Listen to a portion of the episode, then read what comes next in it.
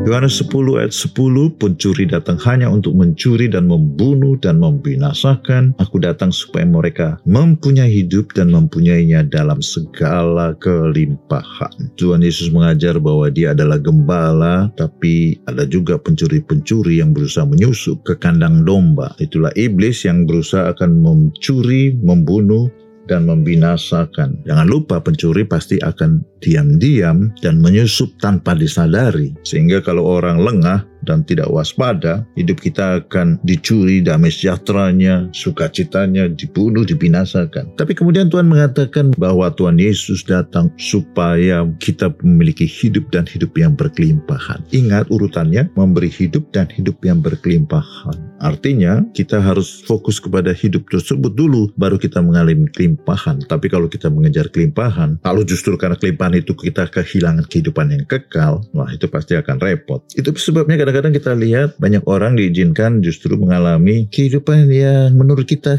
agak susah gitu ya. Tetapi justru dalam situasi itu lebih sungguh-sungguh mencari Tuhan, beribadah karena memang Tuhan lebih fokus kepada supaya kita memperoleh hidup yang kekal. Hari ini jangan salah, Tuhan tidak anti kelimpahan datang ke dalam kehidupan kita tapi fokus supaya kita memperoleh hidup yang kekal dan jangan kehilangan hidup yang kekal itu karena hal-hal material dan duniawi. Dan percayalah Tuhan tidak mungkin membuat kita kekurangan.